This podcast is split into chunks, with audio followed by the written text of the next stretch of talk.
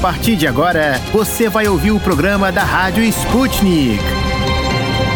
Saudações, estimados ouvintes. Nesta quinta-feira, 13 de janeiro, eu, Pablo Rodrigues e minha colega Ana Lívia Esteves vamos levar muitas novidades para vocês diretamente de Moscou. Olá, caros ouvintes. Muito obrigada pela audiência de cada dia. Ana, eu sugiro começarmos com a nossa tradicional viagem pelo mundo para apurar o que está na boca do povo no Brasil e em outros países. Em Brasília, no evento de lançamento de linhas de créditos para aquicultura e pesca no Palácio do Planalto, realizado na quarta-feira, dia 12, o presidente Jair Bolsonaro falou na possível presidência do ex-presidente Luiz Inácio Lula da Silva. Para Bolsonaro, a eleição do petista significaria reconduzir o criminoso à cena do crime e sua eventual candidatura entregaria o Brasil a bandidos e canalhas para roubar a liberdade. O chefe do executivo ainda declarou, aspas, não tenho provas, mas vou falar. Como é que aquele cidadão está conseguindo apoios, apesar de uma vida pregressa imunda, já loteando ministérios? Os ataques do presidente Bolsonaro ao adversário petista ocorrem no momento em que Lula registra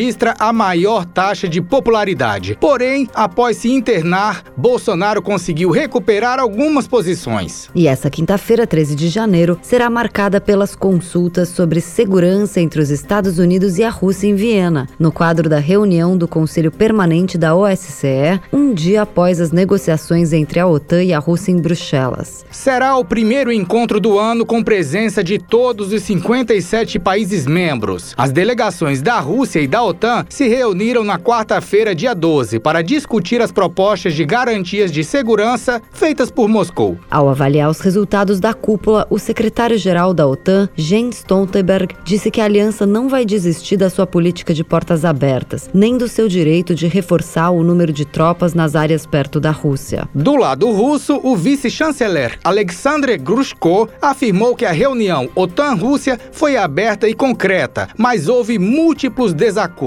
Para Grushko, a cúpula foi principalmente dedicada à análise dos fatores que mais afetam a degradação da segurança europeia, entre os quais se encontra a expansão constante constante da OTAN em direção à Rússia. O vice-chanceler russo Alexander Grushko ainda ressaltou que Moscou não vai ter outra escolha se não implementar uma política de contra-contenção e contra-intimidação se não conseguir reverter o que ele chamou de atual curso de eventos muito perigoso. Bem, caros ouvintes, chegou a hora de conferirmos o que preparamos para vocês no programa desta quinta-feira, 13 de janeiro. Vamos nessa? E no programa de hoje. No Destrinchando a Charada Brasil, vamos falar sobre o retorno do Brasil ao Conselho de Segurança da ONU. No Esqueceram de Mim em Portugal, vamos saber das dificuldades em conseguir atendimento telefônico para comunicar a infecção de Covid-19 no sistema público de saúde. No Bombando no YouTube, vamos conhecer a nova versão do bombardeiro supersônico Tupolev 160. No Destrinchando a Charada Internacional, vamos repercutir falas negativas de Bolsonaro sobre o Mercosul e saber se é verdade que ele foi o responsável pelo acordo com o bloco europeu. O Mistura do Brasil com Moscou vai anunciar a miniatura boiada para piano solo e bater um papo com o criador dela, o compositor baiano Paulo Rios Filho. Não se esqueça de ler, curtir e comentar nossas matérias no site br.sputniknews.com. Destrinchando a charada. De dentro e fora do Brasil. Política, economia, sociedade e tudo que engloba o maior país da América Latina.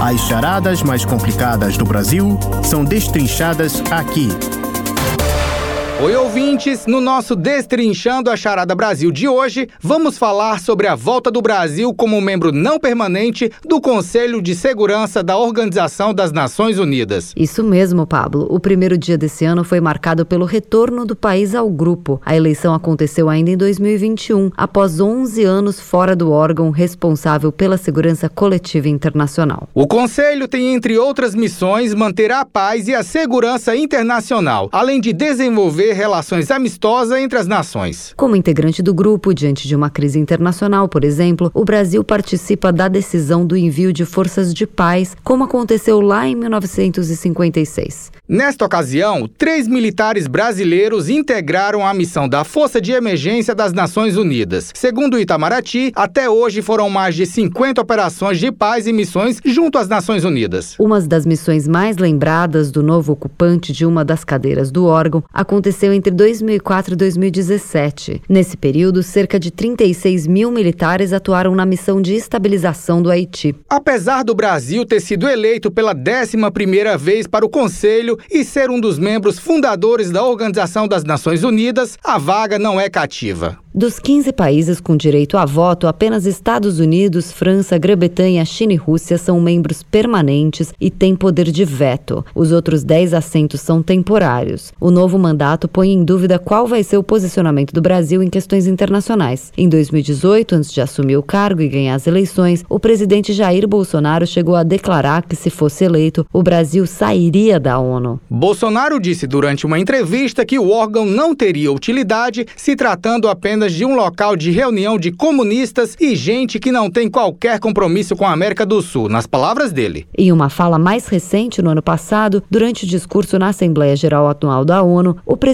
Jair Bolsonaro deu outra declaração polêmica e defendeu tratamentos ineficazes contra a Covid-19. Na ocasião, ele afirmou ainda que o Brasil é uma referência em preservação ambiental, o que é questionado por ambientalistas. Vale lembrar que a política externa do Brasil nos últimos anos teve na defensiva justamente por críticas em relação à gestão ambiental. Para analisar a entrada do Brasil como membro temporário do Conselho de Segurança da ONU, a gente conversa com o Christopher Mendonça. Ele é doutor em ciência política e professor de relações internacionais do IBMEC. Professor, a gente agradece muito o seu tempo e agradece a conversa aqui com a Rádio Sputnik. Para começar essa entrevista, o que a gente poderia esperar da diplomacia do governo atual no Conselho de Segurança da ONU? Bom, nas últimas semanas o Brasil foi aprovado, né, novamente, na verdade, como um membro provisório do Conselho de Segurança das Nações Unidas. Não há dúvidas de que esse é um passo importante para a nossa diplomacia, que nos credencia enquanto um país importante na política internacional. No entanto, eu acredito que não haverá grandes mudanças do ponto de vista do direcionamento da política exterior do presidente Jair Bolsonaro finalizado já o terceiro ano de mandato e já com linhas muito claras quanto ao seu direcionamento da política externa. O que me parece é que nesse ano, especialmente por ser um ano eleitoral, o presidente manterá o seu alinhamento a países que têm governos mais à direita, né, ou países que têm uma política econômica mais liberal, e continuará nesse mesmo padrão que foi estabelecido nos três últimos anos. Mendonça, a presença do Brasil no órgão pode ser uma oportunidade para o governo Jair Bolsonaro demonstrar compromissos mais sólidos com temas de grande destaque da agenda internacional? Não há dúvidas né, de que desde 1945, quando foi fundada as Nações Unidas, em razão aí do final da Segunda Guerra Mundial, de que o Conselho de Segurança das Nações Unidas é o órgão decisório mais importante e certamente é aquele que traz maior visibilidade para os países no contexto internacional. Então, nesse sentido, a entrada, né, a, a reinserção, na verdade, porque o Brasil já foi em outras ocasiões membro provisório desse organismo, mas a reinserção do Brasil traz, sem dúvida alguma, olhares mais atentos da política externa dos países para o Brasil. Então, nesse sentido, há, né, nessa presença do Brasil no Conselho de Segurança, oportunidades que podem ser geradas para que a política externa do presidente Jair Bolsonaro venha a dirimir algumas dúvidas que estavam pairando no cenário internacional, principalmente relativas à nossa economia e ao nosso posicionamento internacional nas questões ambientais, que tem sido muito criticada por diversos países, principalmente países aí da União Europeia, em especial a França, né? Então, nesse sentido, a nossa presença, a nossa retomada desse posto no Conselho de Segurança é uma oportunidade muito importante para que a gente possa reafirmar as nossas trilhas né, na democracia, na defesa do meio ambiente. Nós só não sabemos se o presidente Bolsonaro o fará, né? mas que é uma grande oportunidade, não há dúvidas de que é sim uma grande oportunidade para uma vocalização mais clara das nossas posições no cenário internacional. A proximidade da eleição presidencial pode influenciar a atuação da política externa brasileira? Por muito tempo, a literatura especializada de relações internacionais, especialmente produzida aqui no Brasil, separou as questões internas, e aí eu me refiro às questões eleitorais, das questões de política externa. Nos últimos anos, graças a um processo que a gente chama de pluralização da política externa brasileira, a academia começou a olhar as relações externas como sendo uma interface às próprias relações domésticas. Então, nesse sentido, não há dúvidas de que a proximidade da eleição presidencial, que já será nesse ano de 2022, ela tem uma influência muito grande sobre o posicionamento da política externa brasileira né, no exterior. É importante dizer que há pontos que ainda não estão tão claros quanto ao posicionamento do Brasil. Repito, pontos esses relativos à nossa democracia e o fortalecimento das nossas instituições democráticas, a nossa economia, né, que a despeito de ser uma onda internacional de crise, ocasionada principalmente pelo coronavírus e pela pandemia, o Brasil tem necessitado de reforços na área econômica, demonstrando no cenário internacional que nós temos grande atividade né, no comércio, nas relações financeiras e etc. E por fim, as questões relativas aí aos direitos humanos e ao meio ambiente, dois temas que são bastante sensíveis ao nosso país, nos quais nós temos grande trajetória de defesa e que nos últimos anos ficou defasada em razão das dificuldades que a política externa do presidente Bolsonaro tem em vocalizar essas nossas preferências, esse nosso campo, né, que é tão caro para a democracia e para a política exterior do Brasil. Então, nesse sentido, há sim uma grande expectativa de que as eleições presidenciais afetem a política externa, assim como a política externa também afetará os planos de governo governo que serão é, apresentados pelos nossos candidatos no pleito eleitoral desse ano. O governo Bolsonaro buscou se alinhar no cenário internacional aos Estados Unidos no governo Trump, mas demonstrou afastamento com a eleição de Joe Biden. Agora,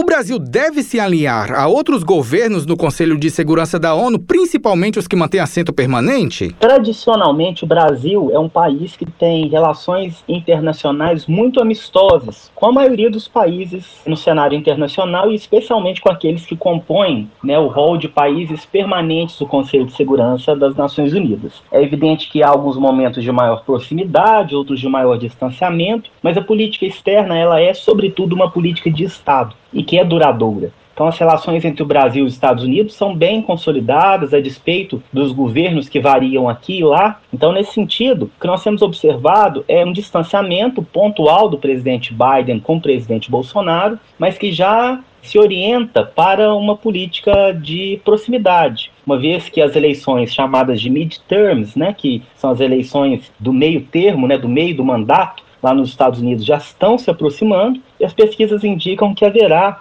um ganho muito importante de políticos mais conservadores, ligados ao Partido Republicano. Então, nesse sentido, embora o presidente Bolsonaro e o presidente Biden não tenham propriamente uma aproximação muito clara, não há dúvidas de que os dois países permanecem parceiros, tanto do ponto de vista comercial quanto do ponto de vista da sua política externa, e há também expectativas de que o Brasil melhore as suas relações com outros países do Conselho de Segurança, exemplo da França, né, que nos últimos anos, sobretudo em relação às questões ambientais, apresentou críticas muito duras ao Brasil. É importante dizer que lá na França nós também teremos nesse ano um processo eleitoral muito disputado, né, e que vai colocar frente a frente o presidente atual, Emmanuel Macron, e outros políticos muito ligados principalmente a grupos conservadores, a grupos de direita. Então, nesse sentido, o que se espera é que o Brasil mantenha relações muito amistosas com todos os países do chamado Conselho de Segurança e que haja uma aproximação também entre o presidente Bolsonaro, que vai ser um dos candidatos à presidência agora nesse ano, com grupos conservadores desses outros países. Nos países que nós temos como permanentes no Conselho de Segurança, há grupos conservadores que têm uma ligação muito grande com a estrutura de poder que está sendo estabelecida aqui no Brasil, principalmente sob a liderança do presidente Bolsonaro. Durante muito tempo se falou sobre a possibilidade do Brasil ter um assento permanente no Conselho de Segurança da ONU. A presença do país no Conselho conselho pode contribuir com esse pleito? Bom, o Conselho de Segurança ele é um organismo de extrema importância nas relações internacionais. Fazer parte dele, embora não de forma permanente, faz com que os países ganhem uma visibilidade internacional que é muito importante para a diplomacia de qualquer país. O Brasil estando nessa localidade, estando nessa posição, faz com que o país tenha uma maior visibilidade internacional, que pode ser boa ou que pode ser ruim. Ao mesmo tempo que faz com que o país tenha mais voz dentro da comunidade internacional, faz com que também os, os países tenham uma maior vigilância acerca do comportamento internacional daquele país. Então, o Brasil passará nesse ano, estando no Conselho de Segurança das Nações Unidas, por uma fase de bastante é, sensibilidade. Isso faz com que o governo brasileiro tenha a oportunidade de lançar lá no Conselho de Segurança temas importantes que já são tradicionais da nossa política externa e que no, durante os anos Bolsonaro, na verdade, eu atribuo essa saída do Brasil do centro do debate internacional já ao segundo governo Dilma, né, quando o Brasil passa a não ser mais um líder aqui na nossa região, passando pelo governo Temer e se aprofundando ainda mais no governo Bolsonaro e uma grande chance que o Brasil tem é de aproveitar essa posição, essa postura né, de membro rotativo no Conselho de Segurança para demonstrar que permanece com seus ideais de estabilidade econômica, de defesa dos direitos humanos e do meio ambiente e, sobretudo, a defesa da democracia. É importante que o nosso corpo técnico, né, o corpo do Itamaraty, esteja muito preparado para dialogar com os países através do Conselho de Segurança e, sobretudo, para demonstrar que nós ainda temos esses pilares de forma não negociável para para conversar com os diversos países. Para os nossos ouvintes entenderem melhor, Mendonça, de uma forma geral, qual vai ser o papel e o que o Brasil poderá fazer no Conselho de Segurança da ONU? O Conselho de Segurança das Nações Unidas ele será um patamar muito importante para que o Brasil possa, através de uma forma mais multilateral do que bilateral,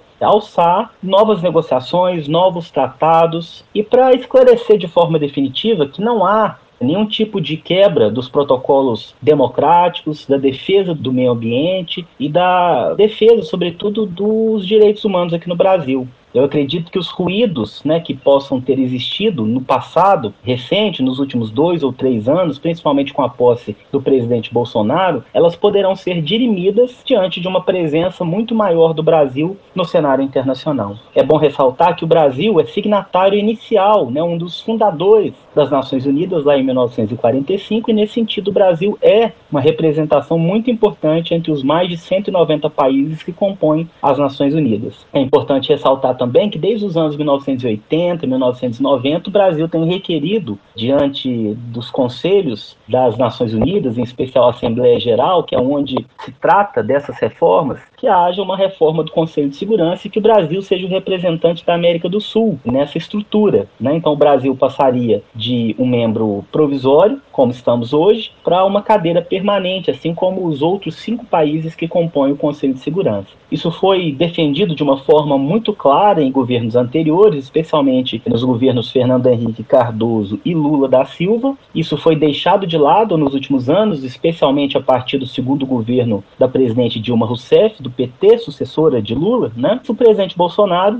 publicamente disse alguns dias atrás de que a entrada do Brasil no Conselho de Segurança é parte da estrutura da diplomacia do seu governo e que uma das coisas que ele pretende reforçar é de que o Brasil tem uma participação mais é, profunda, né, mais próxima com os países do Conselho de Segurança das Nações Unidas, inclusive pleiteando, continuando a pleitear uma cadeira permanente nesse conselho. Então não há oportunidade melhor para que o Brasil possa redefinir os seus padrões de política externa, dirimir alguns ruídos que eventualmente tenham sido observados dentro da sua política externa para fazer com que o país se torne novamente um país de destaque nas relações internacionais, algo que o Brasil deixou nos últimos anos, sobretudo sobretudo sob Bolsonaro. A gente espera que seja positiva a presença do Brasil no Conselho de Segurança da Organização das Nações Unidas. Verdade, Ana. Ficamos na torcida para que durante esse biênio o país ganhe destaque e se posicione da melhor maneira possível. Hoje conversamos com o doutor em Ciência Política e professor de Relações Internacionais do IBMEC BH, Christopher Mendonça. Por hoje, o nosso quadro Destrinchando a Charada Brasil fica por aqui. Até mais, queridos ouvintes.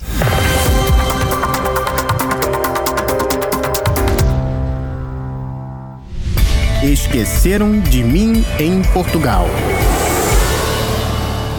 Senhoras e senhores passageiros, apertem os cintos de segurança porque estamos prestes a decolar rumo a Portugal. A tripulação Sputnik Brasil deseja a todos uma ótima viagem. Ontem falamos de problemas no atendimento médico em Portugal, repercutindo a reportagem de Lauro Neto. E hoje a Luísa Ramos, nossa correspondente na Europa, vai também relatar dificuldades de falar com a linha de apoio aos doentes na Terrinha. Olá, Lu! Olá, Pablo e Ana. Olá, ouvintes da Sputnik. Além das dificuldades em obter médicos de família, realidade de mais de um milhão de moradores de Portugal e burocracias para conseguir atendimentos básicos ou cirurgias na rede médica hospitalar do Sistema Nacional de Saúde, com base na reportagem do correspondente da Sputnik, Lauro Neto, nesta quinta-feira, dia 13, segundo a agência Lusa, a linha de saúde SNS também está sobrecarregada. A central telefônica conta com cerca de 5 mil profissionais, na maioria enfermeiros, e segundo o levantamento divulgado pelos serviços partilhados do Ministério da Saúde, o SPMS, somente nos primeiros 11 dias deste ano, a linha atendeu mais de 850 mil chamadas, numa média de 90 mil por dia útil. No dia 4 de janeiro, a central do SNS MS24 chegou a bater o recorde de chamadas atendidas num só dia. Foram 103.470 telefonemas. Destes atendimentos, boa parte é resolvida pelo sistema automatizado, que engloba desde informações gerais a declarações provisórias de isolamento profilático e requisições de testes para detecção de Covid-19. O Ministério da Saúde de Portugal justifica que a elevada procura atualmente da linha de telecuidados criada em 2017 se deve ao grande número de casos de Covid-19 registrados e que tem aumentado desde o surgimento da nova variante do vírus, a Omicron, em meados de novembro, e que já é considerada muito mais transmissível. No ano passado, o governo prometeu investir mais de 36 milhões de euros no centro de contato do SNS para manter a dimensão e capacidade de atendimento telefônico e, mesmo tendo aumentado o número de enfermeiros disponíveis para falar com os pacientes, segundo uma reportagem da CNN Portugal, o Ministério da Saúde garantiu mais 750 profissionais para atendimento até esta segunda semana de janeiro, mas o serviço na prática segue lento. Que o diga o jornalista Afonso Martins, morador da região metropolitana de Lisboa. O Afonso teve sintomas no dia 3 de janeiro, mas com resultado negativo em teste antígeno. Porém, como sua companheira testou positivo alguns dias depois, ele resolveu fazer um teste PCR e aí já encontrou dificuldades desde a marcação em um hospital. Afonso só obteve o PCR positivo nesta quarta-feira, dia 12, e quando tentou falar com o SNS 24, enfrentou uma saga de três horas ao telefone. Ao fim dessas três horas desisti. Já hoje, dia 13, acabei por ser uh, contactado pelo Serviço Nacional de Saúde, que me deu alta, uma vez que já passaram sete ou mais dias sobre a primeira manifestação de sintomas lá atrás, no dia 3. É uma situação bizarra ter alta um dia depois de receber o resultado positivo do teste PCR, mas isto acontece pela sobrecarga dos serviços e por uma deficiente programação desses mesmos serviços, uma vez que este crescente aumento de casos era previsível. No final de dezembro, os serviços partilhados do Ministério da Saúde, SPMS, disseram que seriam abertos novos call centers em Coimbra e Beja ainda em janeiro. Em Portugal, desde março de 2020, já morreram 19.181 pessoas e foram contabilizados 1.734.343 casos da infecção até hoje, segundo a última atualização da Direção-Geral da Saúde. Por hoje é isso, Pablo e Ana, eu fico por aqui com o nosso boletim. Até amanhã. Minha nossa, três horas de espera é muito angustiante. Isso foi porque ele esperou na linha. Agora pense em quem desiste de vez. Pois é, ao mesmo tempo é preciso lembrar que são enfermeiros, pessoas trabalhando e não gravações robóticas. Por ser um atendimento mais técnico, as coisas ficam bem mais complicadas. Tomara que as novas recentes contratações facilitem mais para os moradores de Portugal que precisem falar com o Serviço Telefônico de Saúde. Lu, muito obrigada pelas informações. Sim, obrigado. Até amanhã com mais o último Esqueceram de Mim em Portugal da semana. Lu, até mais. Bombando no YouTube. Curtidas e mais curtidas da Rússia ao Brasil. Confira com a Rádio Sputnik os vídeos que receberam mais likes e visualizações e estão no topo do YouTube. E fique por dentro do que está sendo filmado por amadores ou profissionais pelo mundo afora.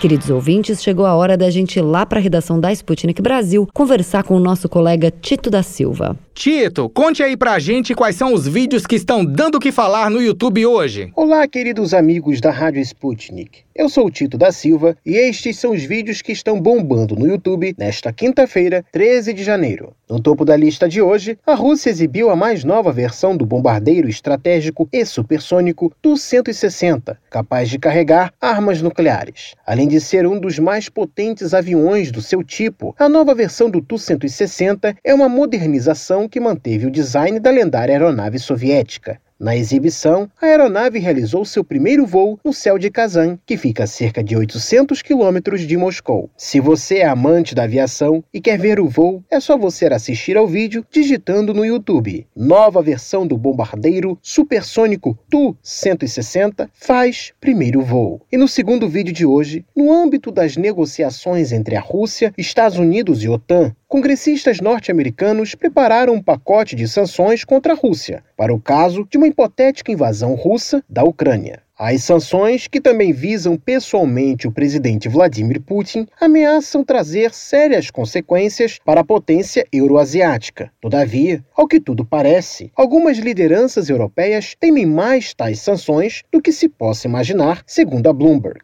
Se por um lado a Rússia já vive sob sanções norte-americanas e sua economia se adaptou a elas, por outro, uma reação russa às consideradas pesadas sanções seria temida pela Europa. Para saber as razões deste temor, é só achar o vídeo digitando por que a Europa tem medo de sanções pesadas dos Estados Unidos contra a Rússia. E no terceiro vídeo de hoje, a inteligência israelense prendeu cinco cidadãos do país sob acusação de espionagem para o Irã. Os detidos são todos judeus de origem iraniana, ou até mesmo nascidos no Irã. Em diferentes ocasiões, eles passaram informações sensíveis sobre a segurança de diferentes localidades em Israel e, inclusive, foram instruídos por um agente da inteligência iraniana a se aproximar de parlamentares israelenses em busca de informações valiosas. Em recompensa, os cidadãos receberam diferentes quantias de dinheiro, mas nem todas as suas tarefas dadas teriam cumprido. Para saber mais detalhes do caso, digite assim: Israel prende cinco cidadãos acusados de espionagem espionagem para o Irã.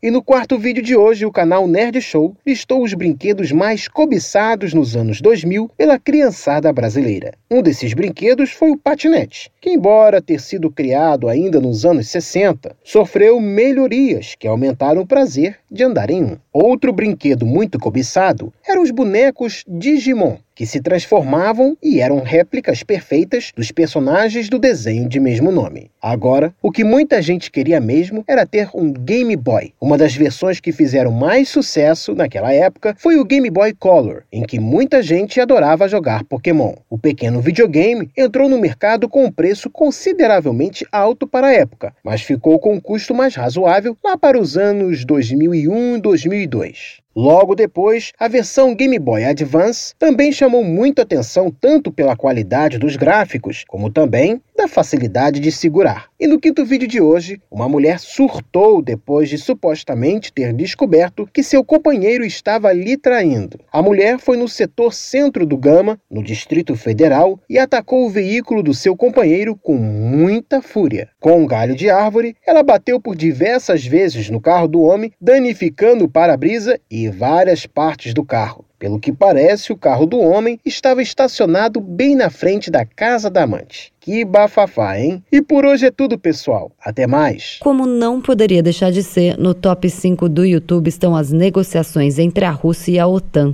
Hoje, o presidente russo Vladimir Putin informou ao primeiro-ministro israelense Naftali Bennett sobre as propostas russas de garantias de segurança que estão sendo discutidas com a OTAN e os Estados Unidos. O Putin conversou com o Bennett pelo telefone. Segundo o Kremlin, o primeiro-ministro israelense solicitou as informações ao seu parceiro russo. Os líderes também debateram a questão da Ucrânia, a cooperação israelo-russa no teatro sírio, o acordo nuclear iraniano e outros temas relacionados ao Oriente Médio. Troca de informações é sempre uma notícia positiva, caros ouvintes. Tito, muito obrigada pelo boletim de hoje e até amanhã.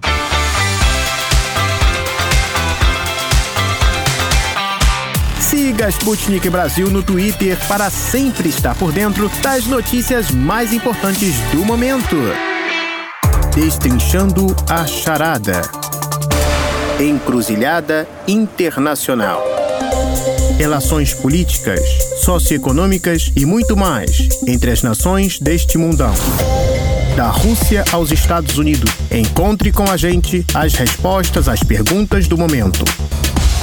Queridos ouvintes, na segunda entrevista de hoje, vamos repercutir as falas do presidente Jair Bolsonaro no começo desta semana sobre blocos econômicos na esfera internacional. É isso mesmo, Ana? Certíssimo, Pablo. Nessa segunda-feira, 10 de janeiro, o chefe de Estado brasileiro voltou a fazer comentários sobre o Mercosul em uma rádio do Rio Grande do Sul, dizendo que se o Brasil, aspas, estivesse livre do bloco, estaria melhor. Bolsonaro apontou também que o Mercado Comum do Sul, criado em 1990, sofre instabilidades. Não é raro ouvir o presidente da República emitir declarações não muito amigáveis sobre a organização intergovernamental. Ao mesmo tempo, não é só o chefe do executivo que tem esse pensamento. O chefe da economia, Paulo Guedes, também já deixou claro que o Brasil poderia fazer acordos comerciais sem precisar da autorização de países membros do Mercosul e que deveria haver uma maior flexibilização do bloco. Lembramos aos nossos ouvintes que o Mercado Comum do Sul possui atualmente quatro membros plenos: Brasil, Argentina, Paraguai e Uruguai. A Venezuela se encontra suspensa e a Bolívia aguarda ratificação parlamentar de seu protocolo de adesão. Para saber até que ponto os argumentos do presidente precedem com a realidade mercosulina, a Sputnik Brasil entrou em contato com Roberto Webel, professor de Relações Internacionais da SPM Porto Alegre. E também com Eduardo Santos, sociólogo e diretor acadêmico da Fundação Escola de Sociologia e Política de São Paulo. Sejam muito bem-vindos por aqui. Pergunto ao professor Roberto. Professor, o argumento do Bolsonaro proferido no início dessa semana de que o Mercosul sempre foi instável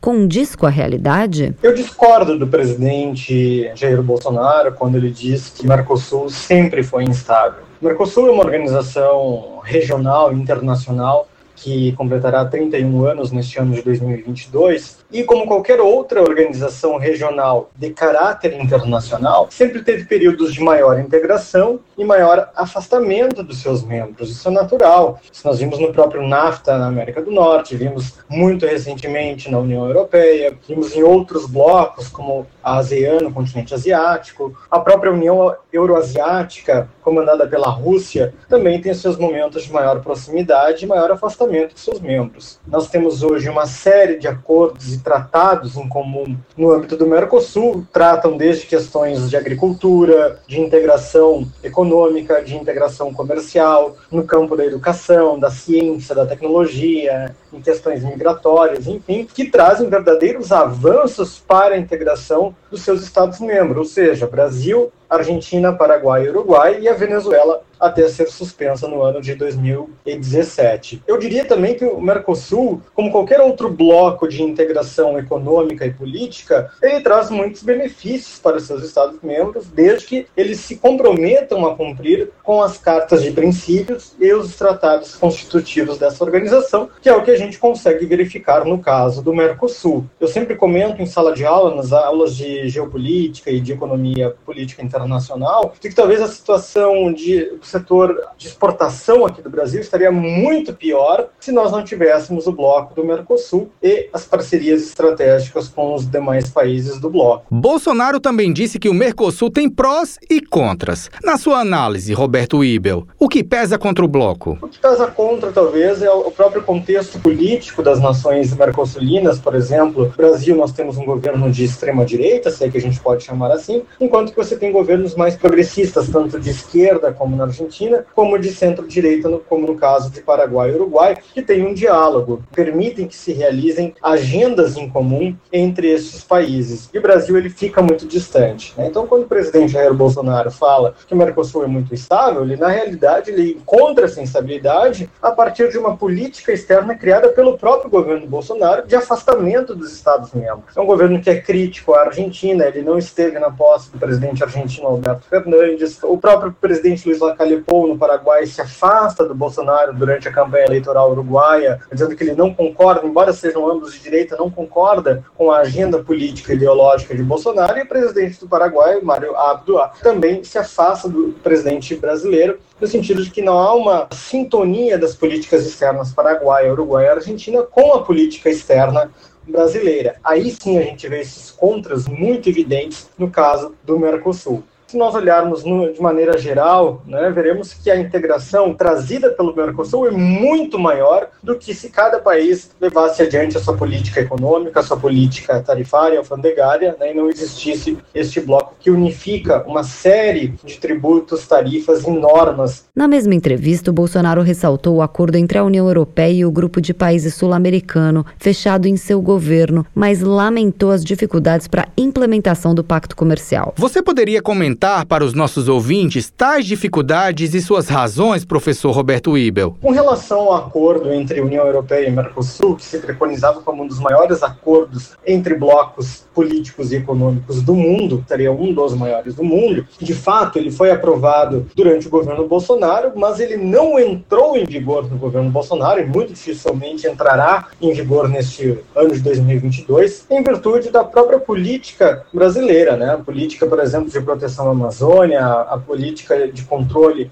do desmatamento, das mudanças climáticas, que são temas muito caros à União Europeia, e aí nós temos parlamentos europeus, como o Parlamento dos Países Baixos, a Holanda, o Parlamento francês, o Parlamento da Áustria e o próprio governo alemão, sinalizando que não aprovariam este acordo, a fim de tentar exercer uma pressão pela agenda política, exercer uma pressão em cima da agenda política de Jair Bolsonaro. Então, é um acordo que foi aprovado, foi, mas não está em vigor, em virtude das ações do próprio governo brasileiro, que se afastou muito dos países europeus e do próprio bloco da União Europeia durante o governo Jair Bolsonaro. Que é uma curiosidade, porque no governo Temer nós temos uma reaproximação, né, o segundo governo Dilma Rousseff se afasta, eu diria, de quase toda a cena internacional, dentre ela incluída a União Europeia, o governo Temer se reaproxima e o governo Bolsonaro se afasta em demasia, inclusive tendo atritos com o presidente da França, Emmanuel Macron. E esses temas ambientais, temas de climáticos, enfim, eles são temas prioritários para a União Europeia, uma vez que a União Europeia se compromete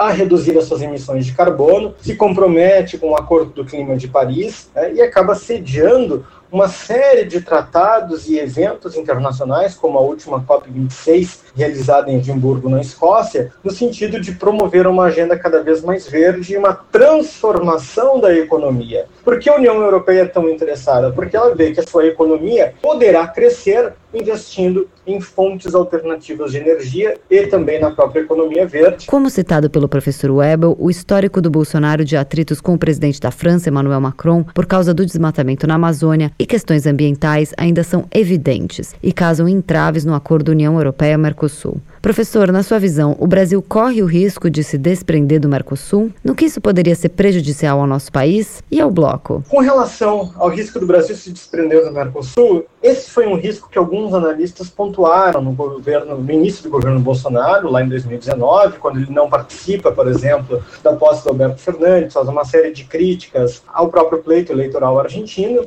Esse risco talvez até esteve no horizonte no começo do governo Bolsonaro. Agora, em 2022, que é um período de eleições Esse risco ele praticamente inexistente. O que eu vejo como uma realidade é uma certa estagnação da agenda de integração do Mercosul, que sim é substituída por outras agendas. Bolsonaro tentou, por exemplo, levar adiante uma agenda do Pró-Sul, substituiria em parte a agenda do Mercosul e praticamente toda a agenda política da Unasul e não foi adiante. Todos os, os líderes políticos que ratificaram a criação do, do ProSul praticamente hoje não estão mais no poder. Alberto Fernandes substituiu o Macri, o próprio Boric no Chile, substituindo agora o Sebastião Pinheira, outras lideranças políticas regionais que não foram reeleitas ou não tiveram uma continuidade daquela agenda política, se desprenderam. Então, a agenda de integração mínima que o Brasil propõe, ela não se executa. O que eu vejo com relação ainda à integração na América do Sul é o fato da LAD ter ganhado um protagonismo muito grande nos últimos anos, mas isso desde o final do governo Dilma II, passando pelo governo Temer e em boa medida no governo de Jair Bolsonaro. Eu diria que a LAD sim é uma instituição importante, um bloco bloco importante, congrega mais países que o Mercosul e pode trazer talvez mais benefícios. Mas eu não vejo o fim do Mercosul, né? assim como, por exemplo, existiu o fim da Unasul e o fim da CELAC, né? que hoje são organizações praticamente inexistentes ou com a sua atuação interrompida. O Mercosul ele continuará, ele tem um propósito muito mais além do que a própria integração econômica, uma integração política, comercial, cultural, educacional, em questões de saúde, questões de imigrações, enfim. Né? Nós temos hoje, inclusive, uma placa comum nos veículos, temos passaporte comum, reconhecimento automático de diplomas e títulos profissionais. Então, eu não vejo um fim do Mercosul no horizonte e vejo, sim, dependendo do contexto eleitoral do Brasil, termos talvez uma retomada do Mercosul na eventualidade, por exemplo, de um presidente com uma agenda de política externa agenda mais voltada à integração. Né? Qualquer presidente que tenha uma agenda mais progressista pode ser que o Mercosul tenha um protagonismo maior do que teve nestes últimos anos. O Brasil saiu de grupos latino-americanos como a Unasul em 2019 e a CELAC em 2020. Como tais atitudes são vistas na seara internacional? Essas atitudes demonstraram algum tipo de desconexão ou descompromisso com o continente americano na sua visão, professor? Como fica o protagonismo brasileiro nas relações internacionais? Durante a chancelaria de Ernesto Araújo, agora de Carlos França, dizerem que o Brasil voltou à cena internacional, voltou ao seu protagonismo, na realidade, que nós temos acompanhado, é uma total desconexão do Brasil aos principais temas prioritários da agenda internacional e também, em certa medida, um descolamento do país da própria região. Não é que ele deixe de assumir compromissos, ele se desconecta da agenda política regional e tece parcerias muito específicas com países que não eram parceiros estratégicos tradicionais de Brasil, como Hungria, como Israel. Tentou-se no começo do governo Bolsonaro uma aproximação com Taiwan, mas viu-se que o benefício seria muito menor né, se mantivesse com a China, então a prioridade era manter as relações com a China e tem esse descolamento tanto do, dos governos aqui da América Latina, depois com a vitória do Biden, um afastamento muito grande do Brasil dos Estados Unidos. O governo Trump e o governo Bolsonaro eram muito próximos, e o Bolsonaro, lembrando, é o último líder internacional a reconhecer a vitória de Joe Biden e parabenizar o Biden lá no final de 2020. É uma política do governo Bolsonaro, é uma política externa afastada dos grandes temas e agendas internacionais, desconectada dos temas e prioridades regionais e que acaba então diminuindo a própria imagem e projeção internacional do Brasil, que no seu acumulado histórico da sua diplomacia é enorme. O Brasil foi um dos grandes atores internacionais desde a fundação das Nações Unidas em 1945, tanto é que até hoje continua abrindo Assembleia Geral da ONU, mas esse protagonismo se perdeu em muito nos últimos anos. Eu não diria que é uma exclusividade do governo Bolsonaro, isso já começa no segundo governo Dilma, se acentua no governo de Michel Temer, né, e agora nós temos praticamente uma consolidação desse desprotagonismo do Brasil, tanto regional como internacional, no governo de Jair Bolsonaro. Agora vamos ouvir o sociólogo Eduardo Santos, diretor acadêmico da Fundação Escola de Sociologia e Política de São Paulo. Eduardo, você concorda concorda que o Mercosul segue relevante no âmbito econômico da região? Obviamente, o Mercosul tem prós e contras, como, de novo, qualquer bloco que procure trabalhar em conjunto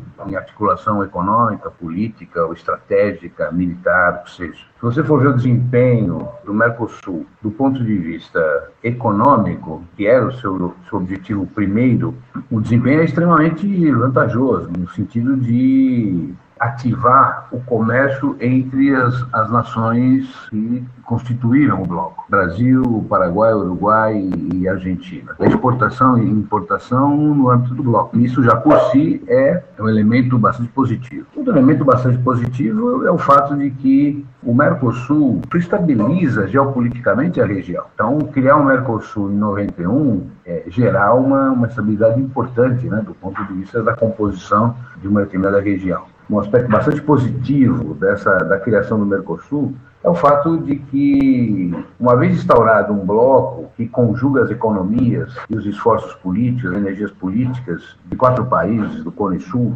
você está muito mais forte, é o caso das negociações com os Estados Unidos da América, assim como é o caso das negociações com a Europa, no caso, a União Europeia, já unida, né, como uma unidade política, é o caso das relações do Mercosul com um bloco de países árabes no Oriente Médio. É o caso do Mercosul em possíveis negociações com a PEC, um bloco de países do leste asiático, e assim por diante. A iniciativa em si mesma, ela é politicamente vantajosa, importante e necessária os países aqui da América Latina. Professor Eduardo, você poderia aprofundar um pouco a questão comentada por Jair Bolsonaro sobre a aproximação do Mercosul com a União Europeia? Qual foi o esforço feito por ele para concretizar essa aproximação? Ele faz um esforço para rapidamente assinar o acordo com a União Europeia. Tendo um trabalho que vinha sendo feito há mais de 15 anos, algo em torno de 20 anos, esse trabalho vinha sendo feito. Não é um trabalho simples, você fazer um acordo entre dois,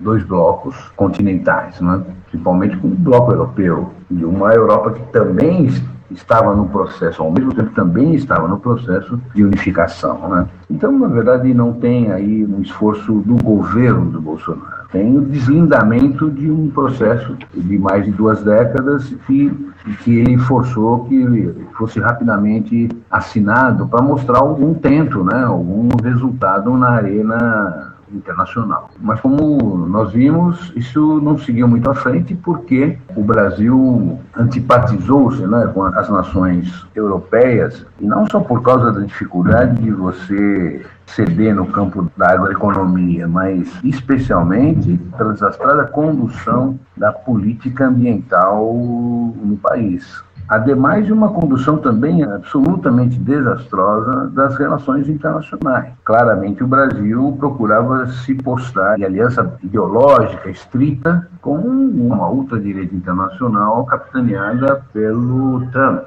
ex-presidente dos Estados Unidos da América. Então, o Brasil passou a ser visto com muita desconfiança pelo bloco europeu. Basta lembrar também uma outra rusga construída pelo Brasil logo no início do governo, pelo ex-ministro do Meio Ambiente, o ministro da, do Passa Boiada, questionou o acordo que o Brasil, pelo qual o Brasil recebia recursos para cuidar da segurança da Amazônia, do diminuir desmatamento, recebia recursos de um fundo para o qual contribuiu a Alemanha e Noruega. Né? Isso, isso também foi questionado e o Brasil perdeu esse recurso. Agradecemos muito as análises do sociólogo e diretor acadêmico da Fundação Escola de Sociologia e Política de São Paulo, Eduardo Santos. E também ao nosso entrevistado do início da conversa, Roberto Webel, professor de Relações Internacionais da SPM Porto Alegre. O nosso Destrinchando a Charada Internacional de hoje fica por aqui. Até mais.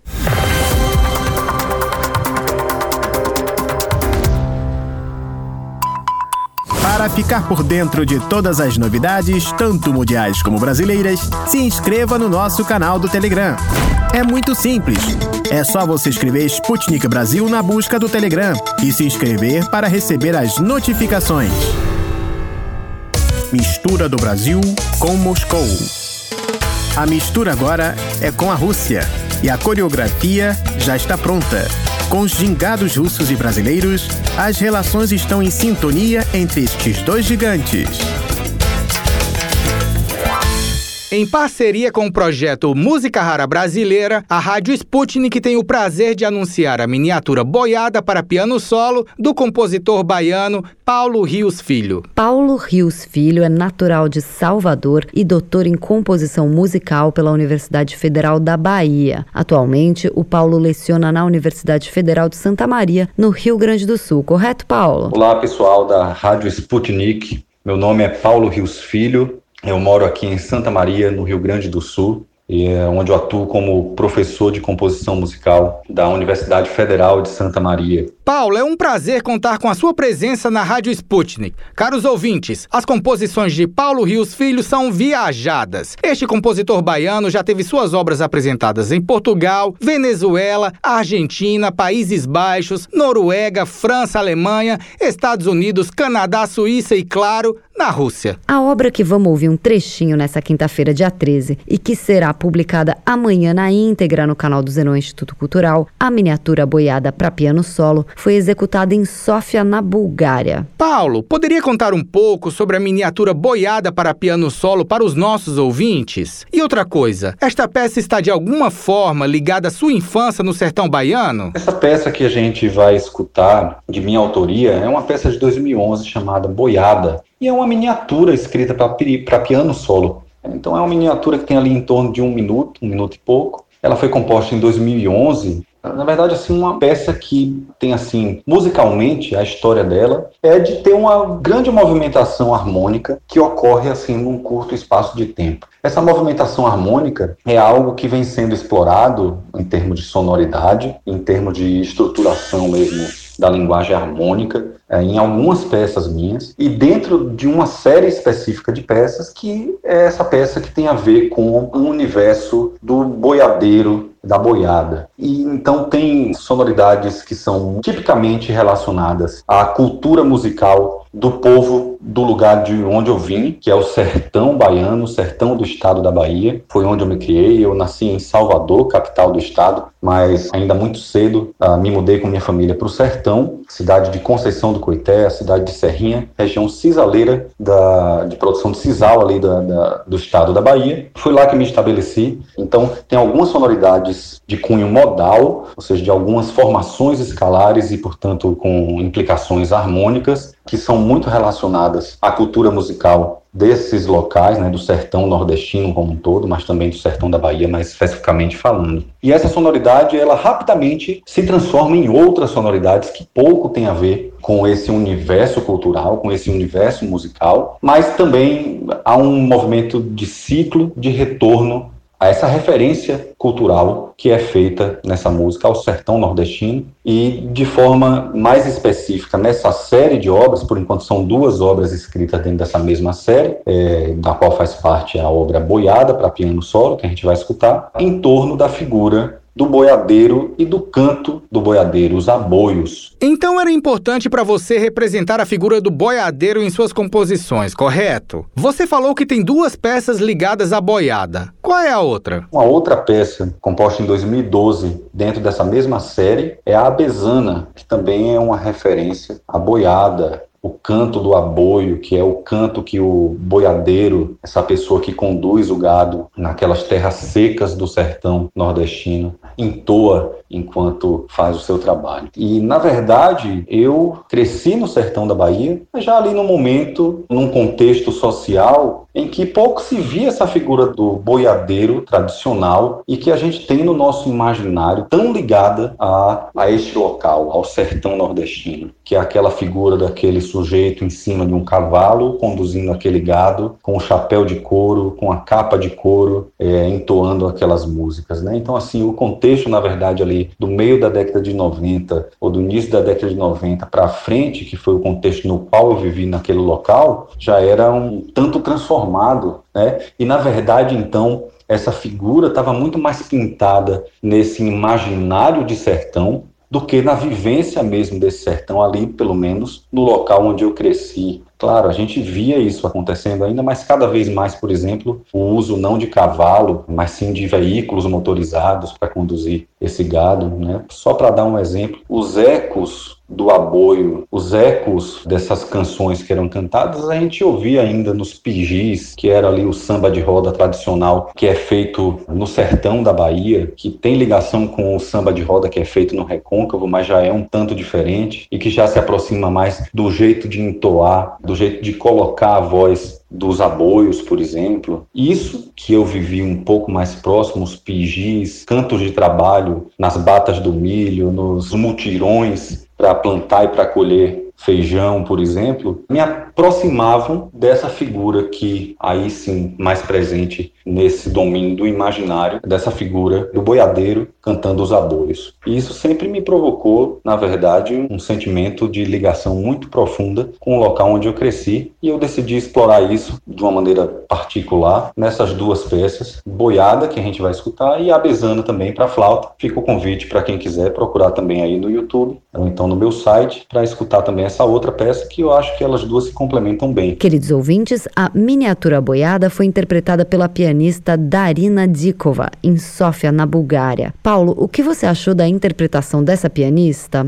A execução da pianista Darina Dikova foi muito legal, assim, ter escutado essa peça sendo tocada por ela. Depois de dar todo esse background cultural, dessa referência cultural que essa peça tem, foi muito interessante ver como ela fez essa peça muito bem e eu acho que ela entrou no espírito, de alguma maneira, do que estava sendo contado ali na peça. E eu fiquei muito feliz de ouvi-la interpretando a Boiada. Essa peça tão curta, mas que eu curto bastante e curti bastante mesmo, ainda mais, poder ouvir na interpretação da Darina. Paulo, você tem alguma novidade com relação a novas obras? Podemos esperar mais composições suas nos próximos meses? Além do convite que eu lancei para quem desejar escutar a peça Abezana para flauta solo, que é um complemento dessa obra boiada que a gente vai escutar, tenho sempre trabalhado em novas composições. De 2011 para cá, né? 2011 foi o ano que eu compus boiada, de 2011 para cá foram mais por volta de 30 peças, e atualmente estou trabalhando numa peça em colaboração com o percussionista Akin Sacramento, professor de percussão lá da Universidade Federal da Bahia. É uma peça chamada Oxóssi, que é uma obra para percussão e eletroacústica. Então é uma obra aí em torno de 16 minutos de duração, que a gente está terminando uma colaboração com o Akin, na verdade, e eu estou finalizando a parte da eletroacústica e, na verdade, ele já está sempre gravando trechos da parte instrumental, mandando para mim, e a gente está fazendo esse bate-bola que eu acho que é muito interessante essa colaboração com o intérprete e é uma obra aí então que está saindo do forno e que eu acho que com certeza nos primeiros meses de 2022 já vai estar disponível para escutar alguma gravação aí no meu site ou nas redes aí, tanto nas minhas redes no Instagram, Perrios Filho, arroba Perrios Filho, quanto na rede do Aquim Sacramento também. A gente vai estar disponibilizando em breve para escutar. É uma novidade que está vindo aí, essa última peça que eu estou compondo. E o site do Paulo é pauloriosfilho.com. Professor, em que projetos ou iniciativas você está inserido no momento? Aproveito também para fazer o convite a quem se interessar em buscar as atividades do projeto de extensão que eu coordeno atualmente aqui na UFSM, Universidade Federal de Santa Maria, onde sou professor de composição. Basta buscar também nas redes, tanto no canal do YouTube Gestações Musicais, quanto também no Instagram, que é o arroba. A gente tem uma série de iniciativas, tanto de cunho mais pedagógico quanto de cunho artístico, sendo divulgados aí nas nossas redes, inclusive com algumas pequenas aulas curtas de composição musical para quem já está ali iniciando os estudos em composição, ou quem tem interesse, ou quem é somente curioso, entende um pouco já de teoria musical e quer entender um pouco mais como os compositores pensam, às vezes, as suas abordagens, sejam elas mais ou menos experimentais, em pequenos vídeos, né, curtos vídeos assim com dicas composicionais, mas também tem palestras com diversos convidados de todo o Brasil falando sobre composição, falando sobre sua música, falando sobre estética musical. Quem tiver interesse, então, fica aí o convite para acompanhar o trabalho do projeto de extensão da UFSM, coordenado por mim, chamado Gestações Musicais. Caros ouvintes, fica aí a dica do compositor e professor de composição musical na Universidade Federal de Santa Maria, no Rio Grande do Sul, Paulo Rios Filho. Paulo, foi um prazer bater um papo com você aqui na Rádio Sputnik. Esperamos anunciar mais obras suas aqui na nossa rádio. Então é isso, agradeço demais aí o espaço cedido pela Rádio Sputnik. Espero que vocês gostem da peça, dessa miniatura, dessa curta peça que é a peça Boiada, na interpretação da Darina Dikova. Agradeço, aproveito para agradecer também ao projeto Música Rara Brasileira Espero que vocês curtam. Muito obrigado, um abraço para todos. Quem quiser conferir a miniatura boiada para piano solo do compositor Paulo Rios Filho na íntegra, basta entrar no canal do Zenon Instituto Cultural no YouTube a partir das 15 horas da sexta-feira, 14 de janeiro. Mas que tal ouvir um trechinho antes, ouvintes? Com vocês, Boiada para piano solo do compositor baiano Paulo Rios Filho.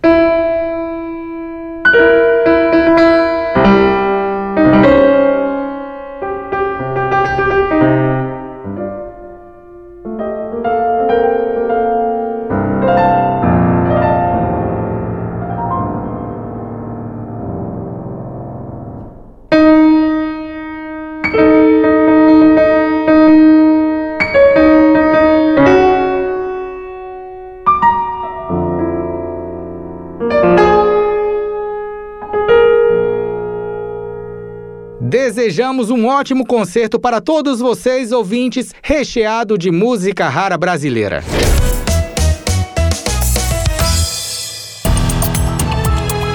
Hora de dar tchau.